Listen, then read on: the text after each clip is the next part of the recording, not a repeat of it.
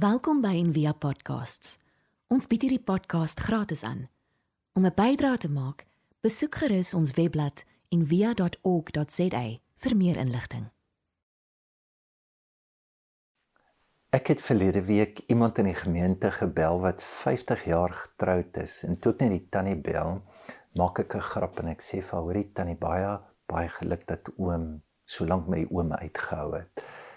En sy het nou vreeslik gelag en sê sy hoor jy was bergtoppe en dale. En partykeer weet ek nie of die dale meer was as die bergtoppe nie. En sy vertel sy sê ons het gaan loop en vandag het ons nou op die strand 50 skulpe of klippe kan nie onthou opgetel. Ons het gaan sit en koffie drink en dit het ons niks gekos nie maar ons het gedink oor die lewe en ons is dankbaar ek is so dankbaar vir ouer mense in ons gemeenskap wat ehm um, ja die pad al geloop het nê en gedink het oor wat die lewe beteken en wat die bergtoppe maar ook die dale al geloop het en wat die gawe van beide kan ontvang. Ons praat nou vandag oor verhoudings en ja die pyn wat saam met verhoudings kom en gewoonlik dat ons voel dat die Here is glad nie meer teenwoordig as jy in daai dale in. So wat doen ons? soos ek vir jou sê ek het jou bitter lief, dan sê ek vir eintlik wat die liefde is. Hy bitter ook.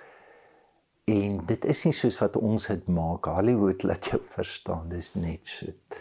Is net amazing. Dit is net ongelooflik en dis die prins op die perd wat my kom haal het en is nou vir ewig en vir altyd daarna is ek so gelukkig. En ons weet dit is nie so nie en ons weet dit meer en beter as enige iemand in die tyd waarin ons nou lewe. Want wat hierdie grendeltyd gedoen het, ek dink dit het ons soort van geforseer om die bitter gedeelte wat ons ontwyk en wat ons eerder wil ignoreer en wat ons nie wil sien nie, wat wat ons van wegkom en, en nou moet ons daarna kyk.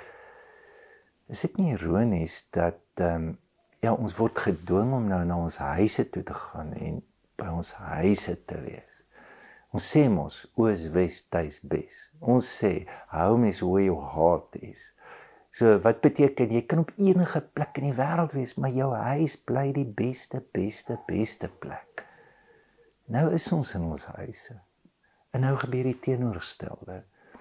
Daar's tussen 20 en 30% meer egskeidings in Suid-Afrika sien op die web, um, daar's nou spesialis prokureurs wat wat jou baie vinnig kan skei in grendeltyd, 'n grendeltyd spesialis um, egskeidingsprokureur of advokaat. Um, is eintlik so jammer want ja ons dink ons handel ons probleme of is ons vasval as ons in die dale is is daar fisiek 'n maklike paadjie uit en ja, die van ons wat 'n kort pad uitvat, sal agterkom dat dit die lang pad is en dat die lang pad baie keer die kort pad is. So kom ons begin om vandag 'n gedeelte te lees van 'n storie waar hierdie liefde bitter word, 'n storie van Martha en Maria in Lukas 10 vers 38. En op hulle reis het Jesus in 'n dorp gekom waar 'n vrou Martha hom as 'n gas ontvang het. Sy het 'n suster gehad Maria wat aan die voete van die Here gaan sit en na sy woorde geluister het. Maar Martha was baie bedrywig om alles klaar te maak. Toe kom sy by die Here. Kom sy daar staan en sê Here, hinder dit U nie dat my suster my alleen laat bedien nie. Sê sy moet my kom help. Maar die Here antwoord aan Martha, Martha, jy is besorg en bekommerd oor baie dinge, maar net een ding is nodig. Maria het die beste deel gekies. En dit sal nie van haar af weggeneem word nie. So hierdie gebeur in 'n huis van iemand waar Jesus kom en, en is 'n baie baie groot beeld wat Jesus gebruik het om liefde mee te verduidelik. Hy sê in Johannes 14:23 en Jesus antwoord en sê vir hom: As iemand my liefhet, sal hy my woord bewaar en my Vader sal hom lief hê. En ons sal na hom toe kom en by hom 'n woning kom maak. So ons ons harte wys ons huise en ons huise wys ons harte en ja, ek dink Jesus nog groter um analogie getrek en sê oor die regering wat teen homself verdeel is, sal val net soos wat 'n huis verdeel is teen homself. Eintlik ons moet eintlik sê uh, die politici, as jy wil weet wie hulle is, kyk na hulle huise want 'n huis wys ons politiek gaan wees. Dis ek dink op 'n manier dis dis die Here se manier van as ons dit daar kan reg doen dan doen ons dit oral reg. Nou kom ons sê net maar hoekom gebeur dit dan nou? Hoekom word dit dan nou moeiliker ons nou in ons in ons huise? Toevallig in hierdie storie raak dit moeiliker en nie makliker. Soos Jesus in die huis inkom, dan maak hy dit moeiliker, nie makliker. Hoekom? Hy wys vir jou wat werklik daar is. En hy wys vir jou ook die bitter van die liefde wat daar is. Wat beteken ons kan saam wees, maar dit beteken nie daar's 'n koneksie nie. En al wat gebeur is ons geforseer word om nou nader in die huis te wees, dan wys dit uit wat die aard van daardie koneksie is wat in hierdie storie gebeur. Moet ons lewe ook so. Ons is so besig. Ons is hier en ons is daar en ons moet dit en ons moet daar en ons is hier. Maar nou is dit gestop. Ons word gedwing om in ons huise te wees en is presies wat nou wys. Wat is daar? Want as ek so besig is, as ek nie die stilte ken, die stilte van my eie gesin, die stilte van my lewe nie, dan gebruik ek hierdie lewe om myself te ontwyk. Ek gebruik my besige lewe om my en die waarvoor ek lief moet wees om hulle te ontwyk. Nou Eerstens, ek dink ons moet sê daar is nie iets soos verhoudingsprobleme of huweliksprobleme. As jy nou hoor iemand sê, hoorie maak ons werk in ons huwelik. Waar is dit? Ek bedoel is eintlik twee persone wat verwond is en die huwelik wys net die verwonding uit. Want ons dink altyd ons probleme is ekstern. Ja, as COVID net verby is, ons ons probleme. Nee, COVID wys dit net uit. Is soos die vyf goed waaroor ek en jy beklei. En veral nou as jy getroud is. Dit is geld, tyd, seks, kinders en netheid. So en almal val vas op een of ander manier in in daai areas. So dit is nie dit dit is daar, dis teenwoordig. Daar is so iets in ons almal se lewe. Maar dit is hoe ons in dialoog gaan, wat ons daarvan dink. Dis uit watter plek ons praat wat vir ons die gawe gee van die dinge waarmee ons vasval. So kom ons kom ons noem net twee goed wat dalk 'n fakkel kan wees of net 'n ligpunt vanoggend wat my beter kan verstaan en laat sien in my verhouding.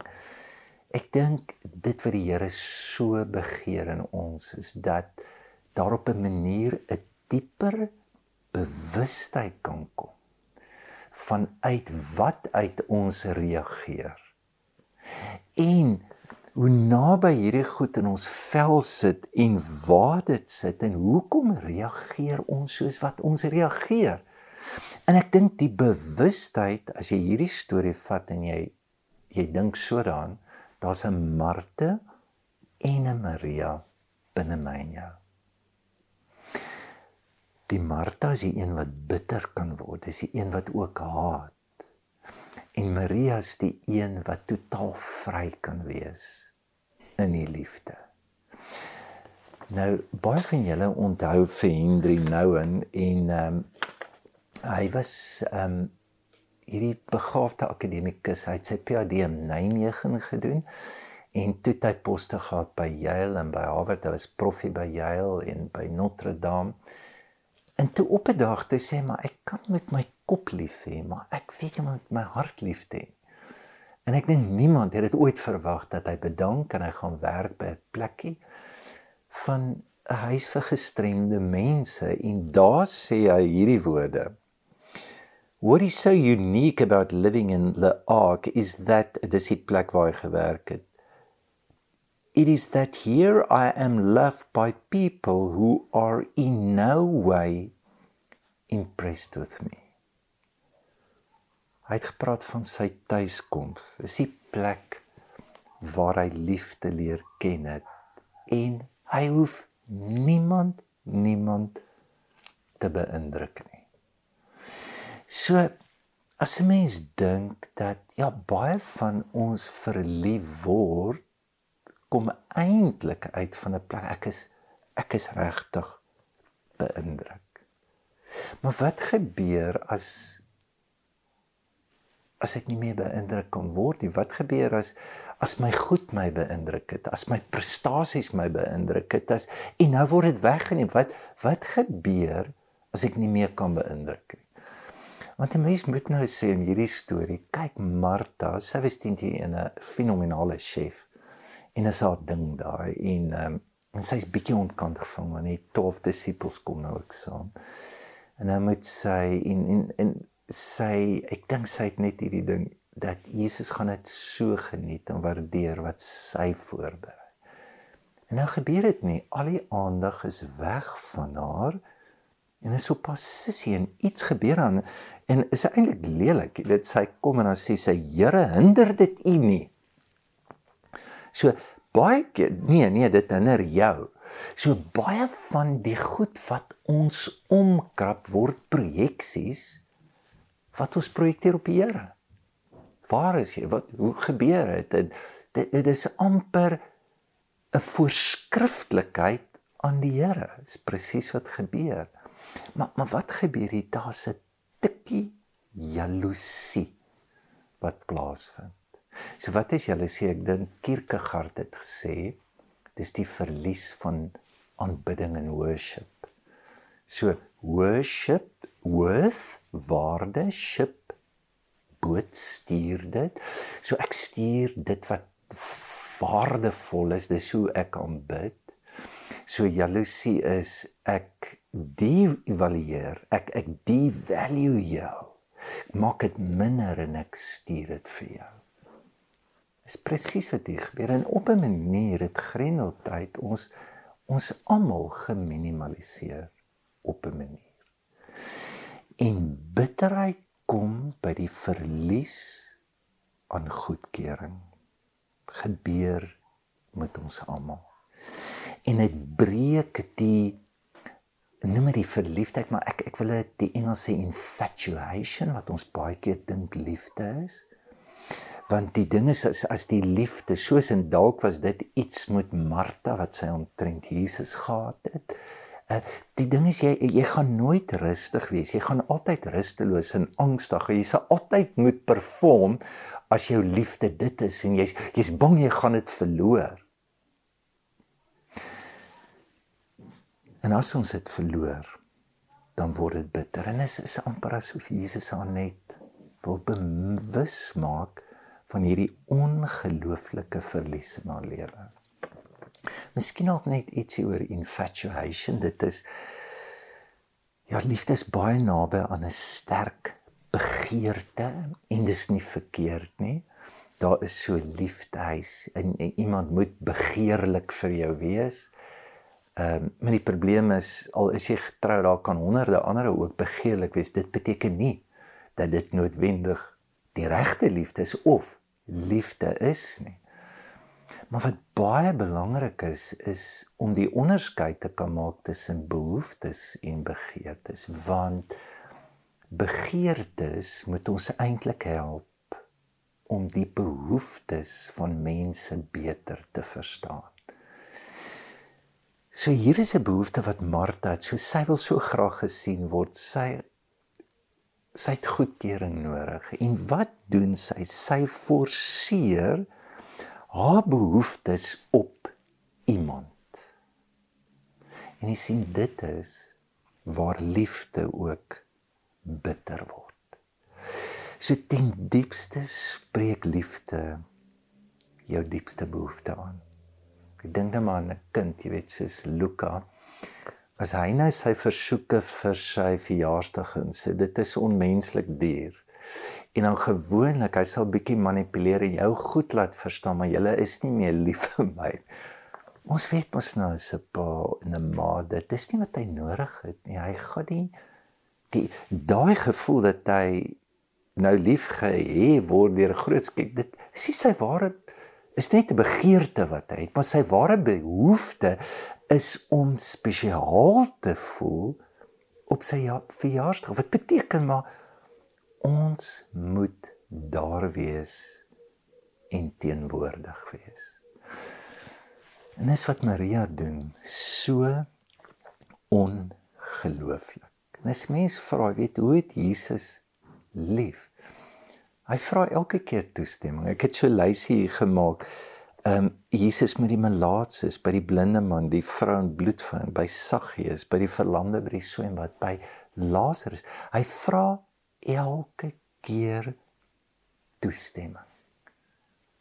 Wat 'n wat 'n ongelooflike sensitiwiteit. Hoekom? Want hy wil presies verstaan en weet dat hy die behoefte vervul wat daar is. Mag ek en jy ja, ons vriendskap en ons liefde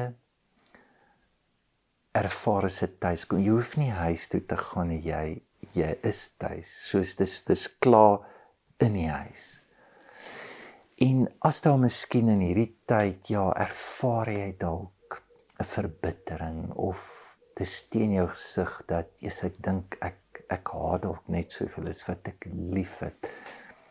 Hoop ek dat daar vandag by jou 'n dieper uitnodiging is dat daar 'n enorme gawe in jou verbittering is. Om dalk jou eie onsensitiwiteit ook te sien van die ware behoeftes wat in haar verhouding lê wat wat aangespreek moet word. Vir my is een van die mooiste stories is ehm um, sy verlore seun wat huis toe kom en dan en Jesus dik storie en hy moet by die varke wees. Nou die luisteraar sal sal hom glad nie aanvaar nie. Want dis al verstaan wat ons van die liefde het. Is daai waarde die worth dis eintlik die ding wat my laat lief hê en Jesus vertel 'n storie daar's niks te wees daar's 'n ander plek en daar's 'n ander manier hoe ek en jy binne 'n verhouding nie net in die bergtoppe nie maar ook in die diepste dale mekaar kan vashou. En dan wil ek sê dalk is sint Isak van Sirië reg wat al 600 jaar na Christus gesê het hel is God se teenwoordigheid wat jy net negatief ervaar. Mag hierdie negativiteit, mag die dinge waarmee ons sukkel vir jou die gawe gee van God se teenwoordigheid in jou lewe. Ons hoop van harte jy het hierdie podcast geniet of raadsaam gevind. Besoek gerus en via.ok.za vir meer inligting.